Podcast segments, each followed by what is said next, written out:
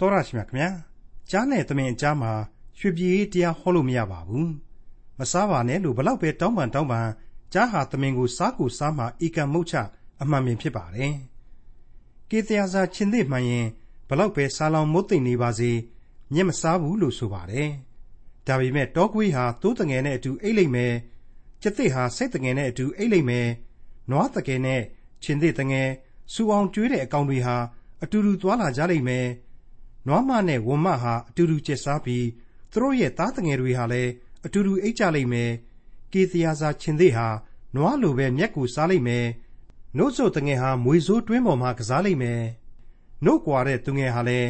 မွေဟောက်တွင်းဝမှာသူ့ရဲ့လက်ကိုတွင်းလိမ့်မယ်လို့ပြောရင်ဒါတွေဟာယုတ်တိမတန်တဲ့တဘာဝလွန်မြင်ကွင်းတွေလို့ပြောကြမှာပါ။ဒါပေမဲ့ဒါတွေကိုဒီကနေ့သင်သိရသောတမချန်းအစီအစဉ်မှာလေ့လာမှာဖြစ်တဲ့ ခရိယန်တမန်ကျမ်းရဲ့ဓမ္မဟောင်းကျမ်းပိုင်းတွေကဟေရှာယအနာဂတ်ကျမ်းအခန်းကြီး7နဲ့အခန်းကြီး7မှာကြိုတင်ဗျာဒိတ်ပြုဖော်ပြထားပါတယ်။ဒီအချင်းရာတွေဟာဘယ်တော့ဖြစ်မှလဲဖြစ်ကောဖြစ်အောင်မှလားကြားနဲ့သမင်အတူနေပြီးကေသယာစာချင်းသေးကမျက်စားမယ်ဆိုတဲ့ကာလဒီကဘာမြေကြီးပေါ်မှာရောက်လာမယ့်အကြောင်းဟေရှာယအနာဂတ်ကျမ်းအခန်းကြီး7နဲ့အခန်းကြီး7တို့ကိုဒေါက်တာထွန်းမြတ်ရေးကအခုလိုလေ့လာတင်ပြมาဖြစ်ပါတယ်။ ဒီအခန်းကြီး7ဟာဆိုရင်ဟေရှာယအနာဂတိကျမ်းရဲ့အခန်းကြီး9ကနေအခန်းကြီး7အထိဆက်နွယ်နေတဲ့အနာဂတိအပိုင်းအခြားတဲကဆက်ရန်ကျမ်းတစ်ခုဖြစ်တယ်။အရေးကြီးသောကျမ်းတစ်စုဖြစ်တယ်ဆိုတာကိုကျွန်တော်မိတ်ဆက်ပေးထားနှင်ခြင်းပါတယ်။ဘယင်စိုးဘယင်မိုက်ဖျားသခင်ကိုထော်လော်ကန့်လန့်လှုပ်တဲ့ဘယင်လို့ကျွန်တော်သတ်မှတ်လို့တဲ့အာခတ်ဘယင်ရဲ့ခေတ်အတွင်းကအနာဂတိတွေဖြစ်တယ်။ကျွန်တော်ကသတ်မှတ်တယ်ဆိုလို့လေကျွန်တော်ကိုအထင်မကြီးကြပါနဲ့အောင်။နှုတ်ကပတ်တော်ကရှင်းလင်းပြတ်သားစွာနဲ့ အာခတ်ဘယင်ဆိုတာဟာဘယင်မိုက်ဘယင်ဆိုးဖြစ်တယ်။ဘုရားသခင်ကိုကြောက်ရွံ့ယိုသေးခြင်းမရှိတဲ့ဘယင်ဖြစ်တယ်။နတ်ကိုးကွယ်မှုတွေတဲမှာကိုယ့်ရဲ့သားကိုတောင်မှကိုပြန်ပြီးတော့မိရစ်ပူဇော်ဘူးတဲ့ဘယင်ဖြစ်တယ်ဆိုတာတွေ့ကိုမှတ်တမ်းမှတ်ရနဲ့ဖော်ပြထားလို့လေကျွန်တော်ကသတ်မှတ်နိုင်ခြင်းဖြစ်တဲ့အကြောင်းကျွန်တော်ဝန်ခံနေပါတယ်။အဲ့ဒီလိုသိုးသွန်းလှတဲ့ဘယင်နဲ့အပြိုင်မြောက်ဖက်ချမ်းကပေကာဆိုတဲ့ဘယင်ရဲ့သူ့ရဲ့မဟာမိတ်စီးရီးယားဘယင်ရေဇိန်ဆိုတဲ့ဘယင်တို့ရဲ့ဟာလေမြောက်ဖက်ယူဒ အာခတ်ဘရင်ရဲ့ယူဒနိုင်ငံကိုရန်ပြုနေတဲ့မိုက်အားကောင်းတဲ့မြောက်ဖက်ချမ်းကရန်သူတွေပဲဖြစ်တယ်ဆိုတာတွေကိုလေကျွန်တော်နားလည်ထားဖို့လိုပါတယ်အဲ့ဒီတော့လူဆိုးလူမိုက်တွေဝိုင်းဝိုင်းလဲနေတဲ့အချိန်ကအနာဂတ်တွေဟာပုံမိုပြီးတော့ထူးခြားသက်ဝင်နေတယ်အလေးနဲ့ပြုတ်ပြီးတော့လေ့လာရမယ့်အနာဂတ်တွေဖြစ်တယ်ဆိုတာကိုကျွန်တော်အခြေခံအားဖြင့်နားလည်ထားဖို့လိုတဲ့အကြောင်းလေဒီနေရာမှာဖြစ်ဆွက်ဖော်ပြလိုပါတယ်မိတ်ဆွေအပေါင်းတို့ပို့ပြီးတော့အရေးကြီးနေတာကတော့ဒီကနေ့လေ့လာရမယ့်ဟေရှာယအနာဂတ်ကျမ်းဟာ မေရှိယဆိုတဲ့ကေတင်ရှင်သခင်ခရစ်တော်ကိုမျှော်တရာကြမ်းတဆူဖြစ်လာပြန်တယ်ဆိုတဲ့အချက်ကြောင့်ပဲဖြစ်ပါတယ်။ဒါကြောင့်မလို့သန့်ရှင်းသောဝိညာဉ်တော်ရဲ့လမ်းပြပို့ဆောင်တော်မူခြင်းကိုဆုတောင်းအသနာခံရင်းနဲ့ဒီကနေ့သင်ခန်းစာတွေကိုစကြပါအောင်စို့မျက်စိကိုဖွင့်နားကိုစွန့်လျက်ခံယူကြပါအောင်စို့တကိုးတော်နှင့်ရှင်ဘရင်ဆိုပြီးတော့ခေါင်းစဉ်ပေးပြီးတော့ဟေရှာယအနာဂတိကျမ်းအခန်းကြီး7အငယ်1ဟာအခုလိုစတင်ဖော်ပြလိုက်ပါတယ်ယေရှဲ၏အမျိုးအငုတ်၌အတက်ပေါက်လိမ့်မည် သူ၏အမြင့်တို့တွင်အညွန့်သည်အသီးသီးလိမ့်မည်တဲ့အတော်ကြီးကိုထူးခြားနေတဲ့အချက်ပဲဒါဝိမင်းကြီးဒါဝိအမျိုးအနွယ်လို့ဆိုပြီးတော့ကျွန်တော်နားယင်နေတဲ့ဝါကြကိုဒီနေရာမှာလုံးဝမသုံးတော့ဘူးယေရှဲ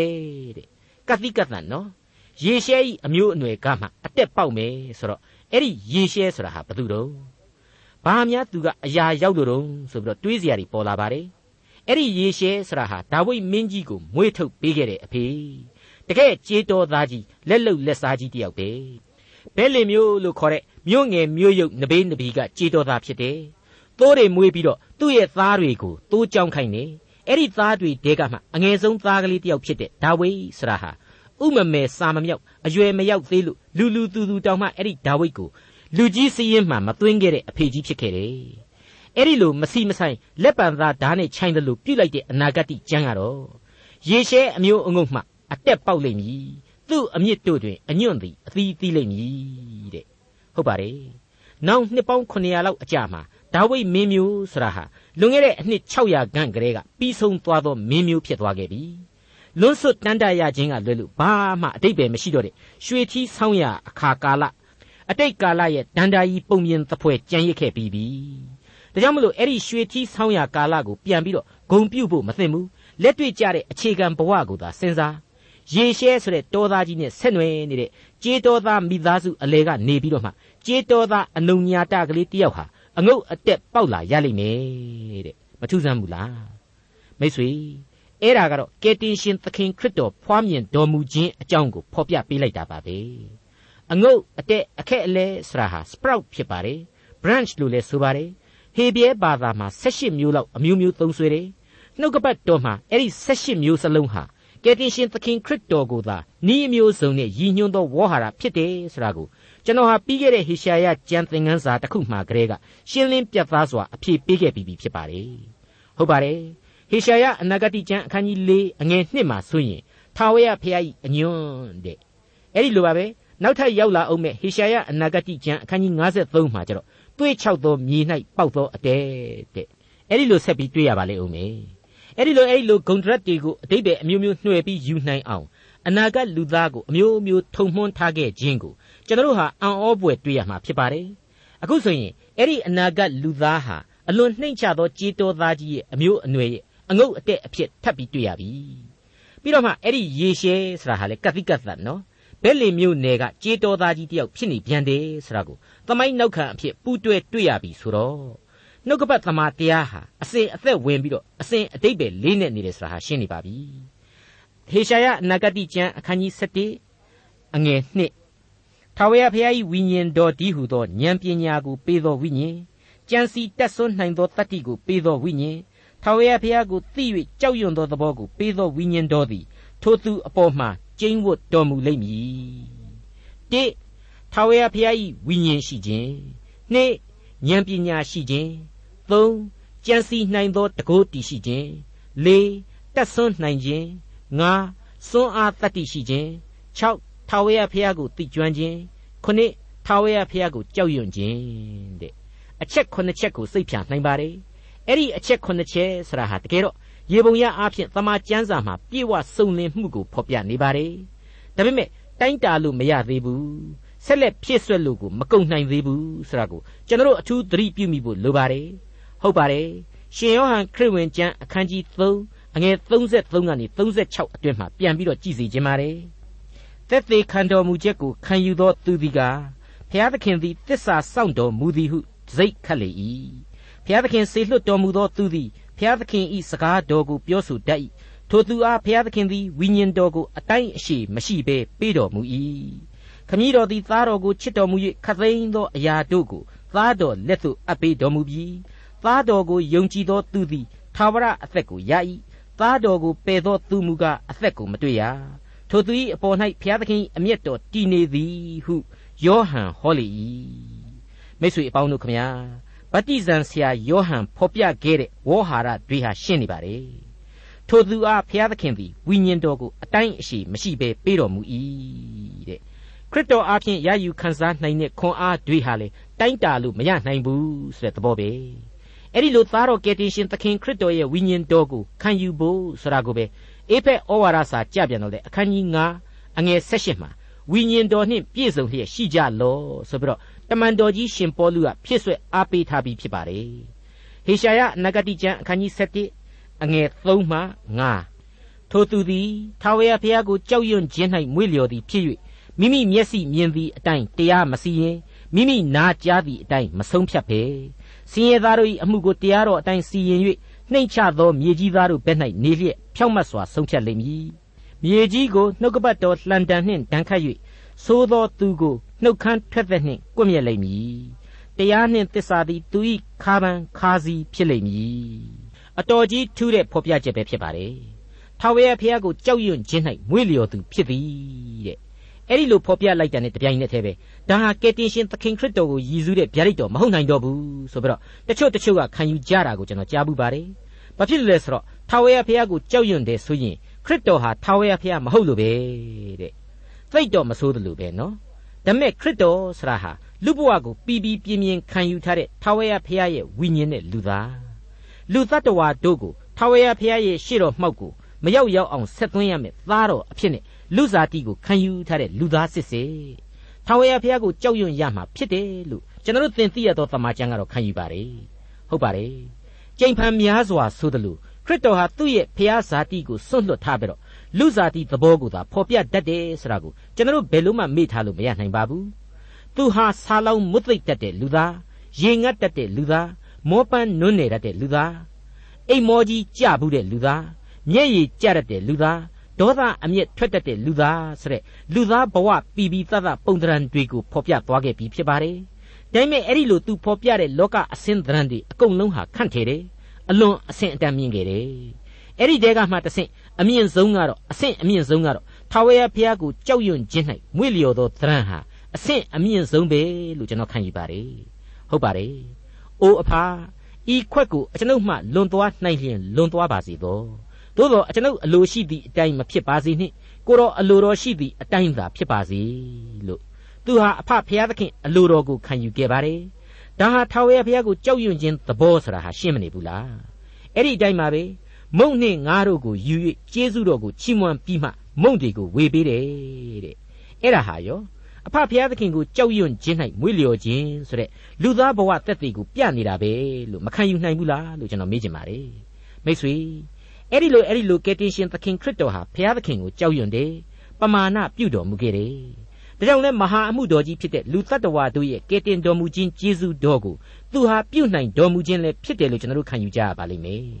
အကယ်၍သာဘုရားသခင်ဝိညာဉ်တော်ကိုဘုရားသခင်သားတော်အနေနဲ့မဟုတ်သာမညောင်ညကျွန်တော်တို့ယုံကြည်သူများခံယူသလောက်သာခံယူနိုင်မယ်ဆိုရင်ရှင်ပေါလုနဲ့တမန်တော်ကြီးတွေရဲ့စွန့်စားမှုရှေးခေတ်မောရှေတို့အာဗြဟံတို့ရဲ့ရှင်သန်မှုတို့တဲ့ ခရစ်တော်ဟာပို့ပြီးတော့ဘာမှထူးထူးချွန်ချွန်လှုပ်ဆောင်သွားနိုင်မှာမဟုတ်ပါဘူးအခုတော့ခရစ်တော်ဟာအလွန်ကြီးမားတဲ့အမှုတော်ကိုဆောင်ရွက်သွားခဲ့ပါတယ်ဒီကျမ်းမာကိုကအရှင်းဆုံးပြန်ပြီးတော့တက်တည်ပြနေပါပြီစင်ရသားတို့၏အမှုကိုတရားတော်အတိုင်းစီရင်၍နှိမ့်ချသောမြေကြီးသားတို့ဘက်၌နေလျက်ဖြောင့်မတ်စွာဆုံးဖြတ်လိမ့်မည်မြေကြီးကိုနှုတ်ကပတ်တော်လှန်တန်နှင့်ဒဏ်ခတ်၍သိုးသောသူကိုနှုတ်ခမ်းထွက်သက်နှင့်ကွက်မြက်လိမ့်မည်တရားနှင့်တစ္ဆာသည်သူ၏ခါပန်ခါစီဖြစ်လိမ့်မည်တဲ့ ရှင်းနေပါပြီအဲ့ဒီလိုကယ်တင်တော်မူခြင်းပေးစွန်းတဲ့သခင်ဟာအနန္တကာလတစ်ချိန်မှာဘလောက်အထိငြိမ်သက်ခြင်းကျေးဇူးကိုပေးနိုင်တဲ့အစွန်ရှိကြောင်းကိုနားလည်ဖို့ရန်အခုဆက်လက်ပြီးတော့ဟေရှာယအနာဂတိကျမ်းအခန်းကြီး7အငယ်6မှ9ကိုလေ့လာကြည့်ကြပါအောင်စို့တောကွေးသည်သိုးတငယ်နှင့်အတူနေလိမ့်မည်ကျက်သစ်သည်စိတ်တငယ်နှင့်အတူအိတ်လိမ့်မည်နွားတငယ်ရှင်သိတငယ်စူအောင်ကျွေးသောအကောင်တို့သည်အတူသွားလာကြ၍လူသူငယ်သည်သူတို့ကိုပို့ဆောင်လိမ့်မည် နွားမနှင့်ဝံမသည်အတူကျက်စား၍သူတို့သားငယ်များသည်အတူအိတ်ကြလိမ့်မည်ရှင်သေးသည်လည်းနွားကဲ့သို့မြက်ကိုစားလိမ့်မည်နို့ဆိုသူငယ်သည်လည်းမြေစိုးတွင်းပေါ်မှမွေစိုးတွင်းပေါ်မှကစားလိမ့်မည်နို့ကွာသောသူငယ်သည်လည်းမွေဟောက်တွင်းဝ၌မိမိလက်ကိုသွင်းလိမ့်မည်ငါဤတန်ရှင်းသောတောင်တပြင်လုံး၌အချင်းချင်းညှင်းဆဲခြင်းဖျက်ဆီးခြင်းကိုမပြုရကြအကြောင်းမူကားပင်လေရည်သည်မိမိနေရာကိုလွှမ်းမိုးတဲ့ကဲ့သို့ မြေကြီးသည်ထာဝရဘုရားကိုသိကျွမ်းခြင်းပညာနှင့်ပြည့်စုံလိမ့်မည်တဲ့အတော်ကြီးကိုမဖြစ်နိုင်တဲ့အချက်တွေကိုကြည့်ပဲဖော်ပြနေတယ်လို့ဆိုရပါလိမ့်မယ်ပြောရရင်တော့ယုတ်တိမတန်တဲ့သဘာဝလွန်မြင်ကွင်းတွေပေါ့တခုရှိတာကတော့ကျွန်တော်ရဲ့မျက်မှောက်ကာလထိတ်တန်းသိပ်ပံခင်မှာလို့ဗျာဒိတ်ပြုထားပါသလားမပြုပါဘူးဒါဟာကယ်တင်ရှင်သခင်ခရစ်တော်ရဲ့ဒုတိယအကြိမ်ကြွလာမှုသခင်ခရစ်တော်ရဲ့စီရင်မှုတို့ရဲ့နောက်ပိုင်းမှာကောင်းကင်နိုင်ငံတော်မြေပေါ်မှာတည်ထောင်ခြင်းပဲလို့ ကျွန်တော်ရှင်းလင်းပြတ်သားစွာခံယူဖို့လိုပါတယ်အနာဂတ်ကိုအနာဂတ်အမြင်နဲ့ခံယူအတိတ်ကာလမှာထင်ရှားစွာပြုတော်မူခဲ့တဲ့အံ့ဩပွေသောအမှုတွေကိုစိစိတွေးဆလိုက်တဲ့အခါကျတော့လေအခုလိုသဘာဝမကျတာတွေကိုယ်တိုင်ဟာဘုံတော်ကိုဖော်ပြလာတယ်သူ့ရဲ့တကိုးတော်အစုံဂုံတော်အနန္တကိုဖော်ကျူးနေတာပဲစကားလဲနှစ်ခွမရှိဘူးကျွန်တော်အံ့ဩတုန်လှုပ်ဖွယ်ရာသစ္စာတရားများပဲဖြစ်လိမ့်မယ်လို့အလေးအနက်ကျွန်တော်တို့သဘောထားပါတယ်မိတ်ဆွေ လူသားတို့အတွက်စဉ်းစားရန်ကတော့တစ်ခုပဲရှိပါတယ်ယုံသလားမယုံဘူးလားလက်ခံမလားလက်မခံဘူးလားဒါပဲရှိတယ်လို့ကျွန်တော်တို့ဆိုချင်ပါတယ်ဟေရှာယအနာဂတိကျမ်းအခန်းကြီး7အငယ်30မှ7ထိုကာလ၌ယေရှဲ၏အမြင့်သည်ပေါက်၍လူများအဖို့ထူသောအလံဖြစ်လိမ့်မည်ထိုအလံ၌တပါးအမျိုးသားတို့သည်စီးကပ်ကြလိမ့်မည်ကျင်းဝတ်တော်မူရာအရက်သည်လည်းဘုံကြီးလိမ့်မည်ထိုကာလ၌ထာဝရဘုရားသည်လက်တော်ကိုဆန့်၍ ကြံကျွင်းသောကိုရောဤလူတို့ကို အာရှုရိပြည်အေဂုတ်ထုပြည်ပါသရုပြည်ကုရှပြည်အေလံပြည်ရှိနာပြည်ဟာမတ်ပြည်ပင်လေတစ်ဖက်၌ရှိသောပြည်များတို့မှကယ်ယူခြင်းဟာတဖန်ပြုတော်မူလိမ့်မည်တပါးမျိုးသားတို့အဖို့အလံကိုထူတော်မူသဖြင့်နှင်ထုတ်သောဣသရေလအမျိုးသားနှင့်အရရက်ကွဲပြားသောယူရအမျိုးသားတို့ကိုမြေကြီးလေးမျက်နှာတို့မှခေါ်၍စုဝေးစေတော်မူလိမ့်မည် အံ့ဩလို့မကုံနိုင်လောက်အောင်ရှိပြီလို့ကျွန်တော်ဆိုချင်ပါတယ်ကဘာဦးဂရဲကတီးခဲ့တဲ့ဣသရေလမှသည်လူမျိုးတကာစီတို့ကောင်းကြီးပေးမည်ဆိုတဲ့ဗြိညင်ဟာဒီအပိုင်းမှာရှင်းနေအောင်ပြည့်စုံရစေလိမ့်မယ်ဆိုတာကိုမငင်းနိုင်အောင်ကျွန်တော်တက်တည်ပြခြင်းပါတယ်ထိုအလံလို့ဖော်ပြထားတဲ့ယေရှဲ၏အမျက်မှပေါက်သောကဲတင်ရှင်စီကိုလူသားအလုံးစီးကပ်ကြရမယ်ဆိုတဲ့အချက်အံ့ဩစရာဖြစ်နေပြီရင်သိမ့်တုံစရာဖြစ်နေပြီလို့ကျွန်တော်ဆိုပြရစီထိုကာလထိုကာလဆိုပြီးပြောလိုက်တာဟာ ကကာလနဲ့ခရစ်တော်ရဲ့နိုင်ငံတော်မြေပေါ်မှာတည်ခြင်းပဲအဲ့ဒီအချိန်မှာဣသရေလတွေကိုပတ်ဝန်းကျင်အာရဗ်နိုင်ငံတွေကစုယုံယုံတင်မကသေးဘူးပင်လေတစ်ဖက်ကတိုင်းပြည်တွေကပါတစုတဝေတည်းပြုတ်ပေးမယ်တဲ့ဘလောက်အံ့ဩဖို့ကောင်းလဲမိတ်ဆွေအာရှုရိကတောင်မှဝင်မတိုက်သေးတဲ့အတိတ်ကာလတကဘာလုံးမှာဣသရေလဂျူးတွေပြန့်နှံ့ကုန်မယ်ဆိုတာတွေ့ကိုဟေရှာယကြိုပြီးပြောလိုက်တာများဟာဘလောက်တဲတိုးကြီးမှန်ကန်နေသလဲနှုတ်ကပတ်တော်ရဲ့တစ္ဆာတရားတို့ဟာ ဘလောက်ကြီးမဟာဆန်တယ်လဲဆိုတာကိုကျွန်တော်တင်ပြခဲ့တဲ့နှောင်းပိုင်းကာလဂျူးဣသရေလတို့ကဘာလုံးအနှံ့ပြန့်နှံ့သွားရပုံအချက်တွေနဲ့ပဲဆက်ဆက်ကြည့်ဖို့လိုတယ်လို့ကျွန်တော်သတိပေးလိုပါတယ်ဟုတ်ပါတယ်တပားမျိုးသားတို့အဖို့အလံကိုထူတော်မူသဖြင့်နှင်ထုတ်သောဣသရေလအမျိုးသားနှင့်အရရက်ကွဲပြားသောယူရအမျိုးသားတို့ကိုမြေကြီးလေးမျက်နှာတို့မှခေါ်၍စုဝေးစေတော်မူလိမ့်မည်တဲ့ဒီအချက်ဟာဘလောက်အထိကြောက်မဲ့ဖွယ်သောအနာဂတ် ဝမ်းမြောက်ဖွယ်ကောင်းသောအနာဂတ်ကျေးဇူးတော်ကြီးသောအနာဂတ်ဖြစ်နေသလေဆိုတာကိုမိษွေတို့ဆင်ခြင်အောက်မေ့ကြပါတော့လို့ကျွန်တော်အကြံပြုလိုက်ပါရစေဟေရှာယအနာဂတ်ကျမ်းအခန်းကြီး7အငယ်73နဲ့14အေဖရိမ်အမျိုးသည်ညူစုသောစိတ်ငြိမ့်လိမ့်မည်ရံပြုတ်တတ်သောယူရအမျိုးသားတို့သည်လည်းရံပြေကြလိမ့်မည်အေဖရိမ်အမျိုးသည်ယူဒအမျိုးကိုမညူစုရယူဒအမျိုးလည်းအေဖရိမ်အမျိုး၌ရံမပြုရ သူတို့သည်အနောက်ဘက်၌ဖိလိတိလူများကိုလိုက်၍တိုက်ကြလိမ့်မည်အရှိပြည်သားတို့၏ဥစ္စာကိုအတူလူယူကြလိမ့်မည်အေဒုံအမျိုးနှင့်မောဘအမျိုးကိုလည်းလှုပ်ကြံကြလိမ့်မည်အမုံအမျိုးသားတို့သည်သူတို့၏အုပ်ဆိုးခြင်းကိုခံရကြလိမ့်မည်မိတ်ဆွေအပေါင်းတို့ခမညာတခဏကလေးပဲဖြစ်ဖြစ်အေးအေးဆေးဆေးလေးအုံနှောက်ကိုအလုတ်ပေးပြီးတော့လောလောဆယ်အချိန်မှကိုပဲပါလက်စတိုင်းတွေနဲ့အစ္စရေးတွေဘာတွေဖြစ်နေသလဲဆိုတာစဉ်းစားယုံပဲရှိတယ်လို့ကျွန်တော်ပြောပြရစီ အေဒုံနဲ့မောဘာဆိုတဲ့လူမျိုးတွေကိုကြတော့လောက်ကြံကြလိမ့်မည်တဲ့လောက်ကြံတယ်မကြံတယ်တော့မသိဘူးဓမ္မသစ်ကျမ်းတွေမှာကလေးကအဲ့ဒီမောဘနဲ့အေဒုံဆိုတာဟာတခါမှပြန်ပြီးမကြားရတော့ဘူးဣသရေလကိုခဏခဏရောက်ဖူးခဲ့တဲ့ကျွန်တော်တငယ်ချင်းတယောက်ကလည်းပြောဘူးတယ်ဣသရေလနဲ့အဲ့ဒီအရှိအလဲပိုင်းမှာကျွန်တော်ကတော့အေဒုံပါခမညာကျွန်တော်ကတော့မောဘလူမျိုးပါခင်ဗျာဆိုပြီးတော့လဝကမှာမှတ်ပုံလာတင်တာတယောက်မှမရှိတော့ဘူးတဲ့မိတ်ဆွေ ဒါဟာဘုရားသခင်ရဲ့စီရင်တော်မူခြင်းမဟုတ်လို့ပါလေဘုရားသခင်အာနာတော်နဲ့ဖြစ်ပျက်ပြုပြင်ခြင်းမဟုတ်လို့ပါလေအဲ့ဒီလိုကျွန်တော်တို့မေခွန်းထုတ်နိုင်ပါလေမိတ်ဆွေအပေါင်းတို့တစ်ချိန်တည်းမှာလူမျိုးတော်လူမျိုးတော်နဲ့အဲ့ဒီလူမျိုးတော်ဆိုတာဟာလေဘုရားသခင်အမိန့်တော်နဲ့သားလျင်ဣသရေလဆိုပြီးတော့မမမမကြံရစ်နေတာလူတူးချင်းကိုထူပြီးမျက်နှာလိုက်တာလို့မမှတ်ယူရဘူးအဲ့ဒီလူမျိုးတော်ရဲ့ဘေးလောင်းတော်တွေမှာဓမ္မသမိုင်းစာမျက်နှာတွေကိုသေသေးချာဆန်းစစ် အဲ့ဒီဘေးလောင်းတော်တွေရဲ့အကြောင်းတွေကိုတွေ့ရလိမ့်မယ်။ဆယ်နှမျိုးသောဣသရေလအခေါင်အဖျားမှားတင်မနာရှေနဲ့အေဖရိမ်ဆိုတာဟာယောသတ်နဲ့အေဂုတ်ထုသမီးပြူအာသနတ်ဆိုတာနဲ့ရယူမွေးဖွားလာခဲ့တဲ့ဤချစ်သွေးတဝက်တိတိပါနေသူတွေဖြစ်နေတယ်ဆိုတာကိုမြင်ရလိမ့်မယ်။ခရစ်တော်လူစားတိကိုခံယူခဲ့တဲ့ယုဒအမျိုးမှာဆိုရင်လေမိခင်ကြီး၄ဦးတိတိတို့ဟာအဲ့ဒီလိုမျိုးပြုတ်ခဲ့ပြီးသောတိုင်းတစ်ပါးသူတွေဖြစ်နေတယ်ဆိုတာကိုကျွန်တော်မျက်လုံးပြူးမျက်စံပြူးတွေ့ရပါလိမ့်အောင်မယ်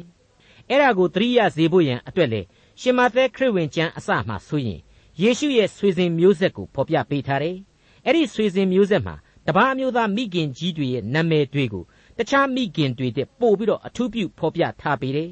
မိမောင်းထိုးပြထားတယ်ဆိုတာတွေကိုကျွန်တော်ပြန်ပြီးတွေ့နိုင်ပါလိမ့်မယ်ဒါတွေကိုကျွန်တော်ထည့်ထည့်ပြောနေရတာကတော့တခြားမဟုတ်ပါဘူးလူအဖွဲ့အစည်းဆိုတာဟာကိုယ်သမိုင်းကိုကိုယ့်ဘာသာကိုပိုင်လာပြီဆိုပြီးတော့တွေးကြခေါ်ကြလွန်းလို့အဲ့ဒီလိုမဟုတ်ဘူးဟေအမှန်တကယ်သမိုင်းကိုတီးပေးတာဟာ သမိုင်းကိုဖြိုချပေးတာဟာသမိုင်းကိုချဲလှယ်ပေးနေတာဟာအသက်ရှင်တော်မူသောအနန္တတကုရှင်ဘုရားသခင်သာဖြစ်တယ်ဆိုတဲ့ပရမတ္တသစ္စာကိုသိစေခြင်းလို့ဖြစ်ပါတယ်ကျင်းမြောင်းတဲ့လူမျိုးရေးစိတ်ဓာတ်တွေဇာတိမာန်မာနတွေကိုဘုရားသခင်တဲ့ပို့ပြီးတော့ဦးစားမပေးစေခြင်းလို့ပါအခုဆိုရင်ကြည်စမ်းအေးဒုံနှင့်မောဘအမျိုးကိုလည်းလှုပ်ကြံကြလိမ့်မည်တဲ့အမှန်တော့အဲ့ဒီလိုအေဖရိမ်ကိုစားပြုဣသရေလနဲ့ယုဒဣသရေလတို့ဟာလက်တွဲပြီးတော့အေဒုံနဲ့မောဘကိုလှုပ်ကြံနေဆိုရင်လေ ဖျားသခင်ကခိုင်းလို့သားလျင်ဖျားသခင်အလိုတော်ကြောင့်သာလှုပ်ကြံကြရတာပဲမောဘကိုလှုပ်ကြံတဲ့ယုဒဟာဆိုရင်သေချာဆန်းစစ်ကြည့်ဣသရေလလူမျိုးတော်ဆိုတဲ့အမည်နာမအတွက်ကိုသားလျင်မောဘကိုလှုပ်ကြံရခြင်းတက်တက်ပဲအဲ့ဒီလို तू ကပြန်ပြီးလှုပ်ကြံရတဲ့မောဘလူမျိုးရဲ့သွေးကိုယ်တိုင်ဟာသူတို့စမှာပါနေတယ်ဒီအခန်းကြီးအစမှာဖော်ပြခဲ့တဲ့အငုတ်အတက်ပေါက်မယ်ဆိုတဲ့ရေရှဲရဲ့သွေးထဲမှာမောဘသွေးတွေဟာပါဝင်ရောရှက်နေတယ်ဆိုတာကိုသူတို့နားလည်မယ်ဆိုရင် ဘုရားသခင်ရဲ့အလိုတော်ဆိုတာဟာဘလောက်ထိကြီးမားကျယ်ပြန့်တယ်ဆိုတာကိုဣသရေလလူသားတို့သိကြမှာအမှန်ပဲဖြစ်ပါတယ်ဟုတ်ပါတယ်ယေရှဲဆိုတဲ့ဒါဝိဒ်ရဲ့အဖေလူစားတိခံခရစ်တော်ကိုပေါ်ထွန်းရမျိုးဆက်ရဲ့ဖခင်ကြီးယေရှဲ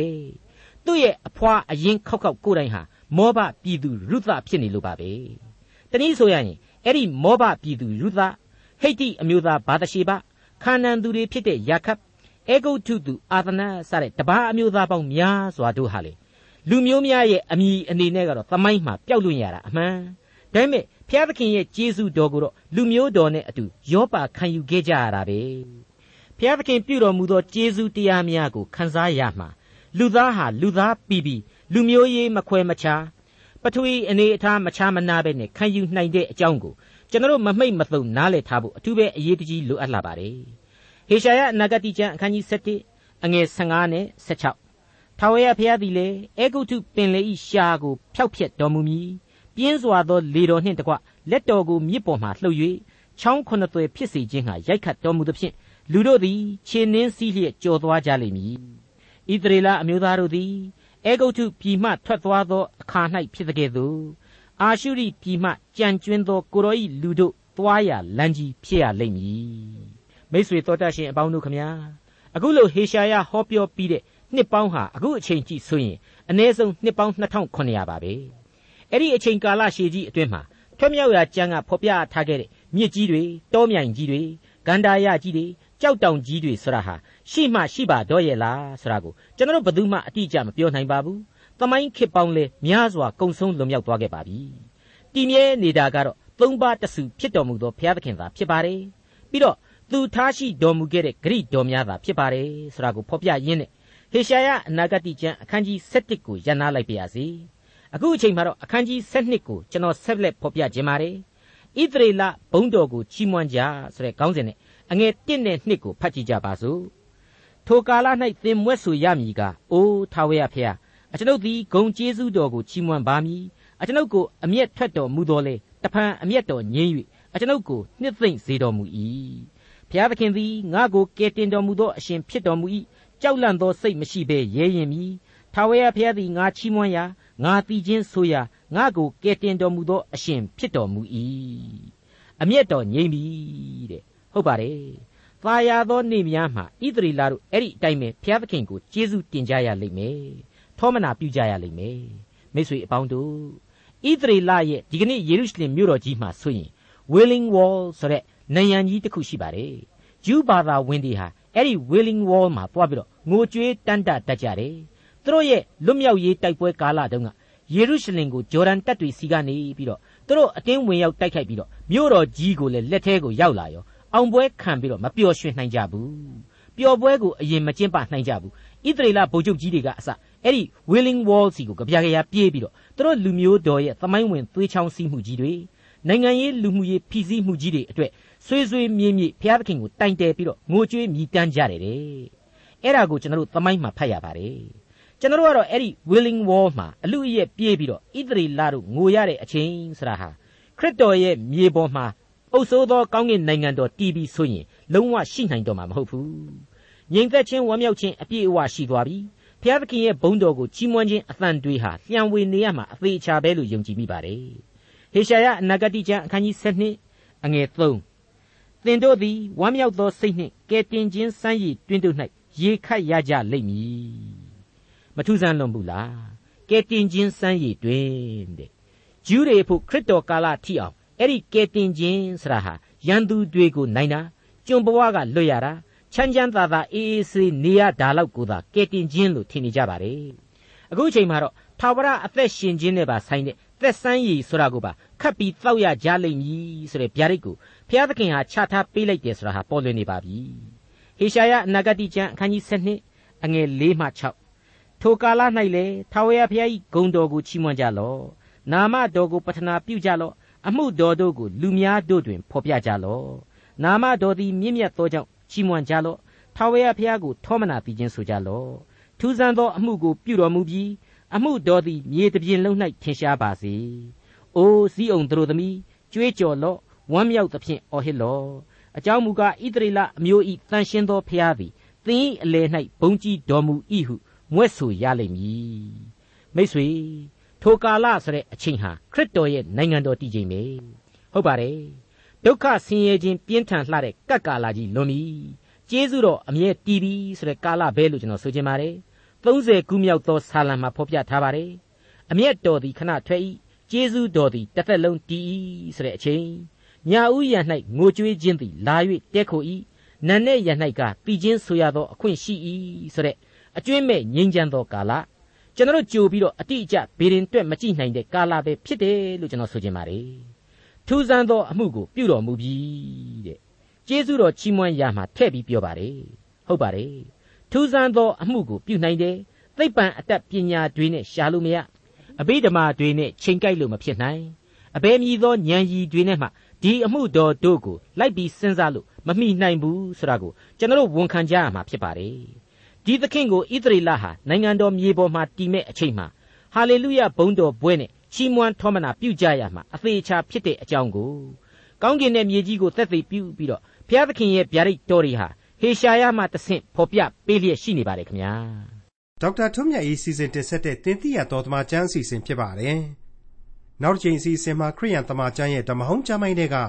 ဟေရှာယနဂတိကျမ်းအခန်းကြီး73ကိုလေ့လာမှဖြစ်တဲ့အတွက်စောင့်မျှော်နားဆင်နိုင်ပါတယ်။